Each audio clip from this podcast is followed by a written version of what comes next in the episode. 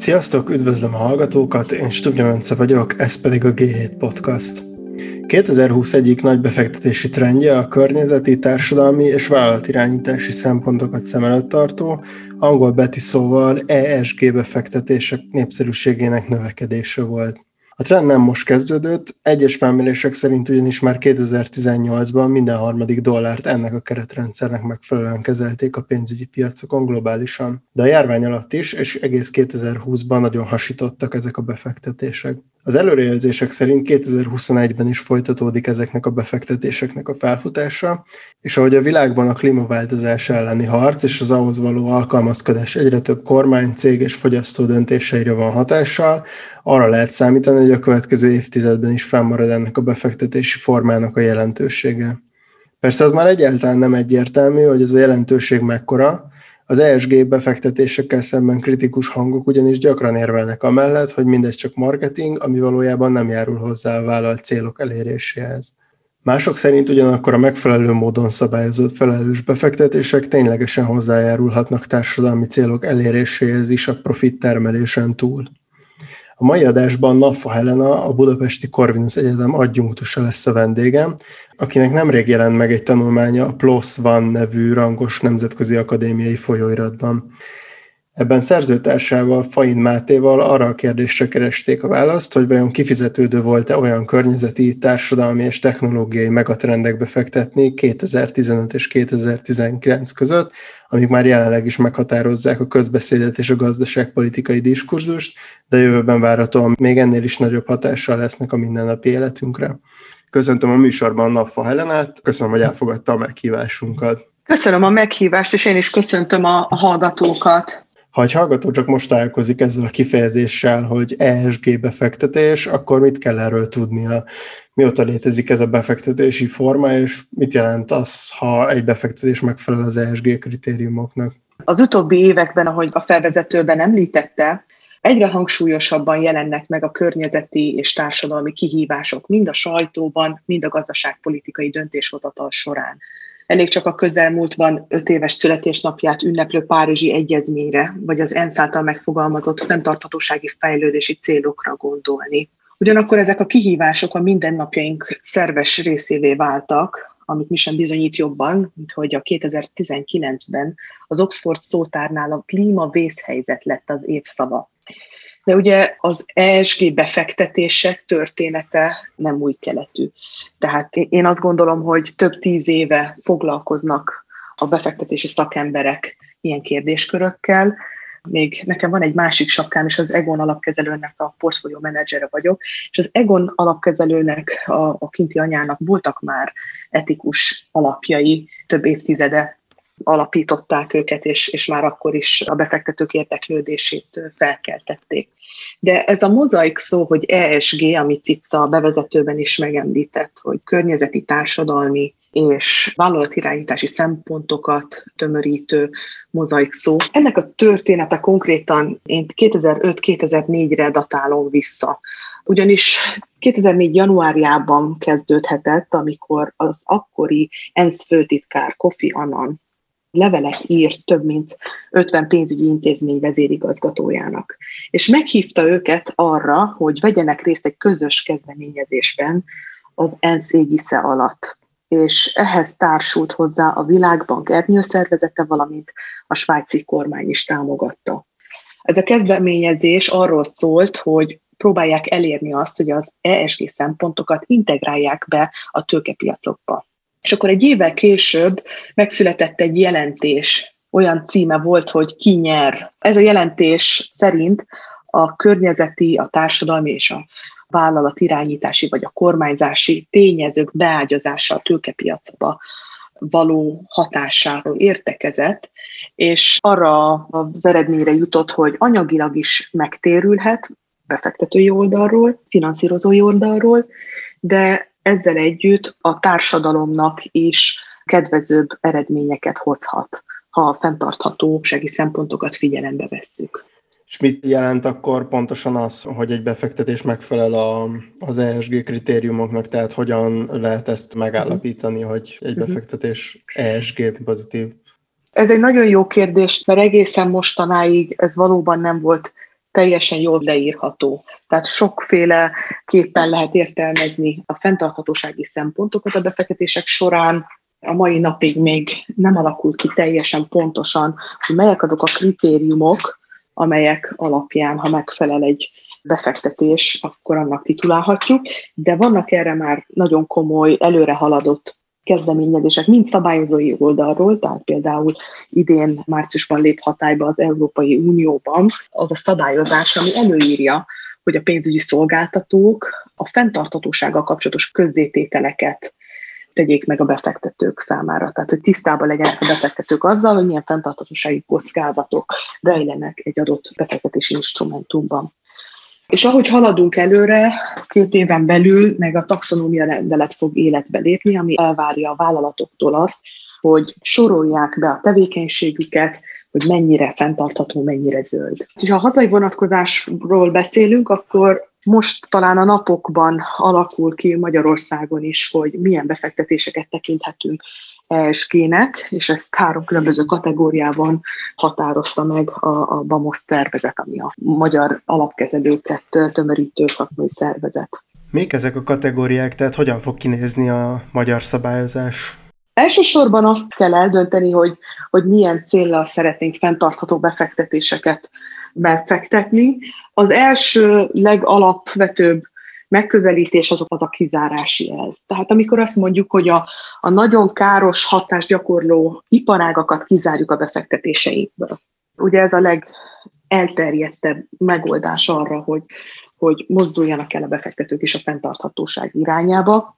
Például a, az európai bankok, akik finanszíroznak, vagy hiteleket adnak például fejlődő országokba, nagyon nagy részt csak fenntartható módon működő projekteket hiteleznek. Tehát megújuló energiaprojekteket, de hagyományosan, klasszikusan szennyező iparágakat most már nagyon ritkán finanszíroznak. Ez az egyik elv. A másik, ami ennél egy kicsit fejlettebb tud lenni, az az, amikor már különbséget teszünk a vállalatoknak a környezetre és társadalomra mért hatásai között, és előnyben részesítjük azokat, minden iparágon belül természetesen, amelyek jobban teljesítenek. Tehát már a működésük alapján is kevésbé terhelik a környezetet. A harmadik fokozat pedig azt meg az impact investing kategóriába sorolnám, ott, ahol pozitív hatást, tehát előre mozdítóan fektetnek be a befektetők. Tehát kifejezetten olyan célvállalatokra, amelyek előmozdítják, elősegítik az ENSZ által megfogalmazott fenntartható fejlődési célokat. Most arról nagyon sokat lehetett olvasni, hogy ugye nem csak a, az elmúlt években, hanem 2020-ban és 2021-ben is az előrejelzések szerint nagyon népszerű lesz ez a befektetési forma, és 2020-ban nagyon népszerű volt, és hogy mi lehetett a hátterében ennek a kiemelkedő népszerűség növekedésnek most az elmúlt időszakban? Egyrészt valóban, tehát azt látjuk, hogy ha nézzük a különböző befektetési eszközosztályokat, az ESG-nek titulált befektetések nagyon erőteljes pénzbeáramlásnak örventek az elmúlt tíz évben. Tehát talán ez volt az egyetlen eszközosztály, ami, ami ennyire népszerű volt, és nem csak azért, mert ezeknek a befektetéseknek az értéke növekedett, hanem új pénz áramlott be minden évben. És ugye pontos adatot azért tudok csak 2018-tól mondani, mert az az a jelent, vagy az a legfrissebb rendelkezés álló jelentés, ami hivatalosan összegyűjti az ESG meg a felelős befektetések statisztikáit, ez a Globális Fentartató Beruházási Szövetségnek a a jelentése, és az ő számításaik alapján ugye globálisan minden harmadik dollárt már ilyen módon fektettek be, de ha megnézzük az Egyesült Államokat, vagy Európát, ugye ez a két földrajzi terület, ahol a legtudatosabbak a befektetők, és itt már a vagyon 39%-a az USA-ban és 46%-a Európában volt már így módon befektetve. Ugye ez érdekes, hogy mi okozza a népszerűséget, azt gondolom, hogy a tudatos befektetők. Tehát, hogy ha nézzük, hogy hagyományosan kik voltak a, a globális befektetéseknek a tulajdonosai, az elmúlt években egyre több vagyon vándorolt át tudatosabb befektetőkhöz, ez a, a millennials korosztályból, tehát az Y és a Z generáció tagjaihoz vándorol át a pénz, egyre több női befektető van, és egyre több nagyon gazdag magánszemély, akiknél a felmérések szerint az, az kiderült, hogy náluk a fenntarthatósági szempontot előnyt élveznek. Mindez társult azzal, hogy egyre több kutatást, köztük a mi kutatásunk is a Corvinus Egyetemen, amelyet Fai Mátéval végeztünk, 2008-ban kezdtük el a kutatást, azt szerettük volna megnézni, hogy vajon hogy teljesítettek ezek a befektetések. Ez pontosan ez a kérdés, hogy valóban indokolt volt-e az ESG alapoknak a népszerűsége, és hogy felül teljesítettek-e. De ugye ez, ez nem egy ilyen egyszerű számítás, hogy az ESG alapok felül teljesítettek, mert azok egyértelműen felül teljesítettek. Hanem itt az volt a kérdés, hogy az ESG ismér miatt teljesítettek-e felül, vagy más ismér miatt. És akkor itt volt a módszertani újítása a kutatásunknak, amivel sikerült kiszűrni a másodlagos hatásokat. Tehát, hogy nem azért teljesítettek felül ezek a, befektetések, mert mondjuk túlsúlyosan technológiai vállalatokba fektettek, vagy fejlett piaci befektetésekből álltak zömében, hanem ezeket a hatásokat kiszűrve azt láttuk, hogy az ESG mi volt a maga, voltak olyan esetek, ahol felül teljesített, voltak olyan esetek, ahol ezek statisztikailag nem voltak szignifikáns teljesítések. Azonban ebből arra lehet következtetni, hogy ha nem is minden esetben felül, de az biztos, hogy azt láttuk, hogy nem alul teljesítők voltak. Ami felveti a másik fontos kérdést, hogy aki tudatosan vagy fenntartható módon, felelős módon szeretne befektetni, az pénzbe kerül-e neki, vagy hozam áldozattal jár-e.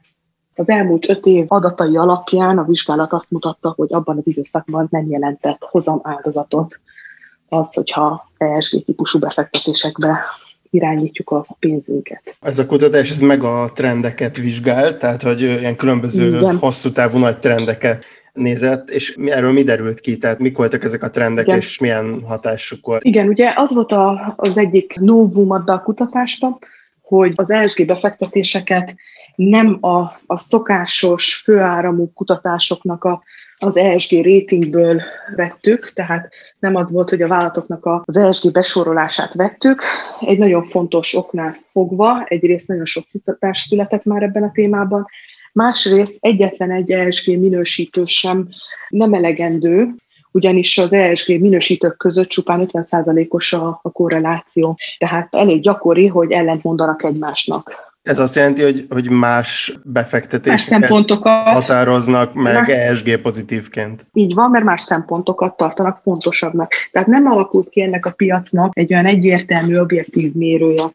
Például a, a hitelbesorolások piacán, tehát a, a credit rating terén ott már 90%-os a korreláció a három nagy hitelminősítő között.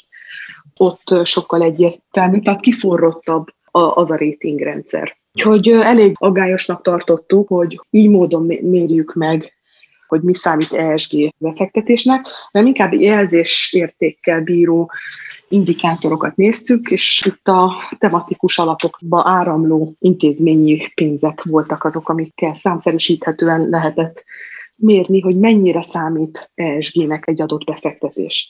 ESG szempontok megfeleltethetők nagy ilyen megatrendeknek, amelyek olyan hosszú távon strukturálisan szekuláris növekedést jelentő folyamatok, amelyek gazdasági ciklusokon átívelő folyamatok. Ilyenek például a klímaváltozással kapcsolatos, vagy a vízgazdálkodással, de a kiberbiztonság is, és a robotika is ilyen felforgató technológiák, meg ilyen ciklukuson átívelő folyamatok, amik meghatározzák a, a mindennapi életünket, akár a környezeti szempontból, akár gazdasági szempontból, de akár innováció és technológia szempontjából. Ezek a típusú befektetések jelentették a vizsgálatunk tárgyát. Térjünk egy kicsit rá szerintem itt az alterületekre, tehát hogy ez az ESG betűszó, ez ugye három Igen. területet fed le, és ugye amit most említett területek, ezek is nagyon eltérnek egymástól bizonyos értelemben és hogy a kutatás alapján mi derült ki arról, hogy ezek az alterületek, tehát hogy a, a környezeti fenntarthatóság, ugye itt a szociális szempontok és a vállalat irányításnak az átláthatósága, hogy ezek alterületenként hogyan járulnak hozzá a többlethozamhoz. Igen, tehát összesen kilenc témát elemeztünk, mindegyiket a három megatrend valamelyikébe soroltunk, és eredményeink azt mutatják, hogy mind a kilenc ESG tematikájú portfólió megverte a piacot. A legjobb teljesítményt azonban mégis a vízhiányjal foglalkozó, valamint az urbanizáció és a felforgató technológiák portfóliója nyújtotta. De ugye ez viszonylag rövid időszak volt, amit vizsgáltunk, tehát 2015-től 2019-ig egy csupán egy öt évet tudtunk vizsgálni. Ennek az az oka, hogy egyrészt viszonylag új keletű befektetésekről beszélhetünk, és ezek voltak akkor a legfrissebb adatok, amik rendelkezésre álltak. Nem biztos, hogy érdemes visszavenni időben, mert annyira más volt akkor a tőkepiacnak a, a körképe hogy nem biztos, hogy relevánsak azok az információk. Az, hogy az elmúlt öt évben ezek a megatrendek messze felül teljesítettek, abból én nem vonnék le messze menő következtetéseket. A fontos üzenet szerintem ennek a kutatásnak az, hogy ami sok diskurzusban felmerül, hogy ha ESG befektetésekben, megatrendekbe fektetünk, nem lehet az, hogy ezek már annyira népszerű termékek, hogy már túlárazottak? Hiszen mindenki ezekbe szeretne befektetni. Mindenki Tesla részvényt és Apple részvényt vásárolt az elmúlt években. Tehát, hogyha ezek már eleve drágák, akkor lehet, hogy eleve nem tudunk felül teljesíteni, vagy ez hozamáldozattal fog járni, hogyha elkötelezzük magunkat a felelős befektetések irányába. Annak örültünk a, a tanulmány kapcsán, hogy az jött ki, hogy nem járt ez hozamáldozattal. Kicsit visszatérnék ezekre a különböző alterületekre, mert szerintem a hallgatóknak mhm. talán nem biztos, hogy, hogy egyértelmű. Ugye az szerintem intuitíve is érthető, hogy mondjuk, hogyha van egy cég, ami átláthatóan működik egy olyan piacon, ahol ahol mondjuk nincs nagy korrupció, ott ugye ez kifizetődő lehet, ez az átláthatóság, de mondjuk, hogyha elképzelek egy olyan céget, ami egy olyan piacon versenyez, ahol, ahol a versenytársai a szabályok kikerülésével tudják növelni a, a nyerességüket, vagy egy olyan céget mondjuk, ami a fenntarthatóságba sok pénztől, és ezzel mondjuk verseny hátrányba kerül, mert mondjuk nincs olyan erős szabályozás. Tehát egy csomó olyan ilyen hipotetikus helyzet jut eszembe, ami alapján ez nem teljesen egyértelmű, hogy, hogy mi is ez, hogy akkor valami ESG pozitív. És teljesen egyetértek, mert ezek nagyon intuitív és nagyon logikus következtetések. Hogy nem biztos, hogy megéri a maximális ESG szempontoknak megfelelni. És azt mi is látjuk a kutatásból, hogy, hogy ez egy költséges műfaj. Tehát a középméretű vállalatok és a kisebb méretű vállalatok ezt nem nagyon engedhetik meg maguknak. Ugyanis egy nagy fix költséggel jár az, hogyha elkezdik a fenntartatósági beszámolójukat megcsinálni, azokat a méréseket elvégezni, egyszerűen azokat összeszedni, azokat az adatokat.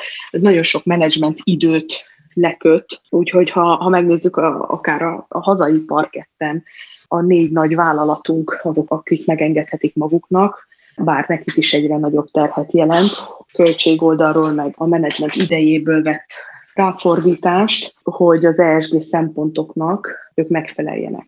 Tehát, hogy azt nemzetközi szakirodalom is alátámasztja, hogy a nagy méretű vállalatoknak általánosságban véve az ESG rétingje jobb. Pontosan azért, mert ők jobban megengedhetik maguknak a megfelelést. És ezzel a befektetők is tisztában vannak, tehát azért nem szabad büntetni egy vállalatot, mert egyszerűen kisméretű, és nem biztos, hogy minden típusú adatgyűjtést el tudott végezni. Ez nem jelenti azt, hogy ő feltétlenül rosszul működik. De ugye egy, egy külső szemlélő, egy harmadik fél csak akkor bizonyosodhat meg róla, hogyha van egy valamilyen szintű átláthatóság. Az is igaz, hogy nagyon fontos, hogy ne toljuk túl. Tehát ez a zöldre festés arról szól, hogy amikor a vállalatokat próbáljuk zöldnek, fenntarthatónak, ESG-kompatibilisnek beállítani, holott mögötte meg nincsen valódi teljesítmény, vagy nem, nem olyan szinten, mint ahogy beállítjuk. És ez egy nagyon komoly kockázat és probléma. És ugye ez az egyik aggája például a vállalatértékelés területén az egy meghatározó szakértő és, és professzor az Aszvolta Modaran, aki nekem mentorom volt, és PHD-vat bírálta. Ő egyáltalán nem hisz ezekbe az ESG befektetésekbe, pontosan azért, mert azt gondolja, hogy ezt a zöldre festés elviszi az egész lényegét, és nem látja a valódi értéket mögötte. Ugye itt, itt az ESG mozgalomnak, ha lehet így nevezni, meg a temérdek befektetői igénynek az lenne a, az eredeti szándéka. A szabályozásnak pedig az a valódi szelleme, hogy tényleg kerüljük el azt, hogy csak rámondjuk valamire, hanem próbáljuk meg olyan irányba elvinni a vállalatoknak a működését, ami fenntarthatóbbá teszi. És most akkor ráfordulok tényleg a lényegi részre, amit itt már feszegetett többször, hogy akkor vegyük szét a három betű szót. Kezdeném én a kormányzati szemponttal. Ez egy kicsit kakuktojás, mert ugye nem, nem társadalmi vagy környezeti hatásokról van szó, hanem arról van szó, hogy egy vállalatnak a, a vállalatirányítása mennyire átlátható, mennyire szavatolja azt, hogy a megbízó ügynök problémából fakadó bizalmatlanság egy menedzsment és tulajdonos között, vagy egy hitelező és egy hitelfelvevő között, hogy ez a szerződés, ami köttetik, tehát ez a megbízó probléma lényege, hogy van a két fél, és ők hogyan szavatolják azt, hogy átláthatóan működik a vállalat, és, és nem történik egyik félnek a kárára sem, működésbeli kockázat, és ezt hivatott a governance szempont megvizsgálni. És akkor itt olyan magas etikai normákat támasztanak, ami a felügyelőbizottság függetlenségét hivatott megvizsgálni, a vállalatirányítás feletti átláthatóságot, az auditot, tehát akár pénzügyi adatoknak a könyvvizsgálata, de akár a működésbeli részleteknek a független felülvizsgálatát. Ugye ezt szavatolja. Ebből kifolyólag azt szokták mondani, hogy a governance szempontok az iparág semleges. Tehát minden iparágra ugyanúgy alkalmazható hogyha összehasonlítunk egy szénbánya vállalatot, egy tanácsadó céggel, ugyanúgy meg lehet vizsgálni a vállalatirányítási szempontokat, ezért összehasonlítható iparág mentén is. A másik két szempont, a környezet és a társadalmi hatások azonban azok igenis iparág függők. És ott sem egyértelmű, hogy mi a kívánatos. Tehát a környezeti mértéknél, ott is különbözőféle környezeti hatásokat mérnek, például a széndiokszid kibocsátása, egyéb káros hatású gázok kibocsátása az egyik ilyen fő mérőszám, de hát ugye az sem teljesen egyértelmű, hogy ki a végső felhasználója. Tehát az elég egyértelmű, hogy egy olajipari vállalatnak mennyi a széndiokszid kibocsátása, vagy mi az ökológiai lábnyoma, de egy IT vállalat, aminek hivatalosan nincsenek ilyen kibocsátási adatai, de valahol mégis rengeteg mennyiségű áramot, energiát használ föl, akár a szerverek működtetéséhez, és hogyha annak van egy ökológiai lábnyoma, mert nem megújuló erőforrásokból állítják elő, akkor kinek a számlájára írjuk azt az ökológiai lábnyomot? Ezek mind-mind olyan kérdések, amelyek még tisztázásra várnak, és szerintem ebbe az irányba fogunk haladni. A társadalmi szempontok pedig megint olyan kérdések, hogy hogyan viselkedik egy vállalat a munkavállalóival, a beszállítóival, illetve a környezetével, milyen hatást gyakorol ott a környezetre. És ugye miért foglalkoznak a pénzügyesek, a befektetők, a finanszírozók, a bankárok, kisbefektetők, miért foglalkoznak E és S szempontokkal? Egyszerűen azért, mert azt gondolják, azon túl, hogy van az a felelősségtudat, hogy, hogy igenis hatásom van és lehet, hogy a befektetések hogy hatnak a környezetre, de azon túlmenően azt gondolják, hogy ennek a működésből fakadó kockázatok előbb-utóbb internalizálódhatnak. Tehát ugye a környezeti hatások nagy része externális. Azt jelenti, hogy szennyezem a környezetet, de hát a, ennek a költségét nem a szennyező viseli egyedül, hanem ezt úgy az összkörnyezet. És ugye ezt úgy szokták internalizálni, közgazdaságtudományban azt mondani, hogy ezt kivetnek adókat, vagy környezetvédelmi bírságokat, ezzel úgymond internalizálják, a vállalat magára vállalja ennek a költségét. Ugye ez, ez az egyik módja annak, hogy hogy jelenik meg ennek a hatása a befektetések során. De egy nagyon szemléletes példát szoktam elmesélni erről, hogy megértsük, hogy az ESG szemlélet hogyan jelenik meg. Az ESG score, vagy az ESG értékelés azt mutatja meg, hogy egy vállalatnak a működése során hogy figyel ezekre a kockázatokra környezeti kockázatok, azok az externális hatások, a társadalmi kockázatok, a társadalmak kapcsolatos hatások, azok reputációs kockázatként jelenhetnek meg, a vállalat irányítási meg a megbízó ügynök problémából eredő kockázatot jelenthet. És ezek kockázatok, tehát nem biztos, hogy bekövetkeznek, de van rá valószínűség, hogy hatással van egy vállalatra. És az a példa, amit szemléltetni szoktam, az, hogy képzeljünk el egy futárcéget, aki biciklis és motoros futárokkal szállítatja ki a csomagokat, vagy adott esetben az ételt. És hogyha a futároknak nincs előírva, és a egyes futárok lazán kezelik a, a bukósisak viselést, attól még nem következik az, hogy feltétlenül ebből probléma lesz, de érzékeljük azt, hogy ha történik egy baleset, akkor sokkal nagyobb károkat fog elszenvedni, ha nincs előírva, meg nincs betartatva a bukós isak viselése, mint hogyha ez nem lenne. És valahogy így működik az ESG is. Tehát, hogy a vállalat működése során nem biztos, hogy bekövetkezik probléma, de érzékeljük, hogy bármikor történhet egy olyan incidens, ahol sokkal súlyosabbak a következmények, amennyiben nincsenek helyben azok az eljárások, amelyek szavatolják a környezeti és a társadalmi hatásoknak a kezelését.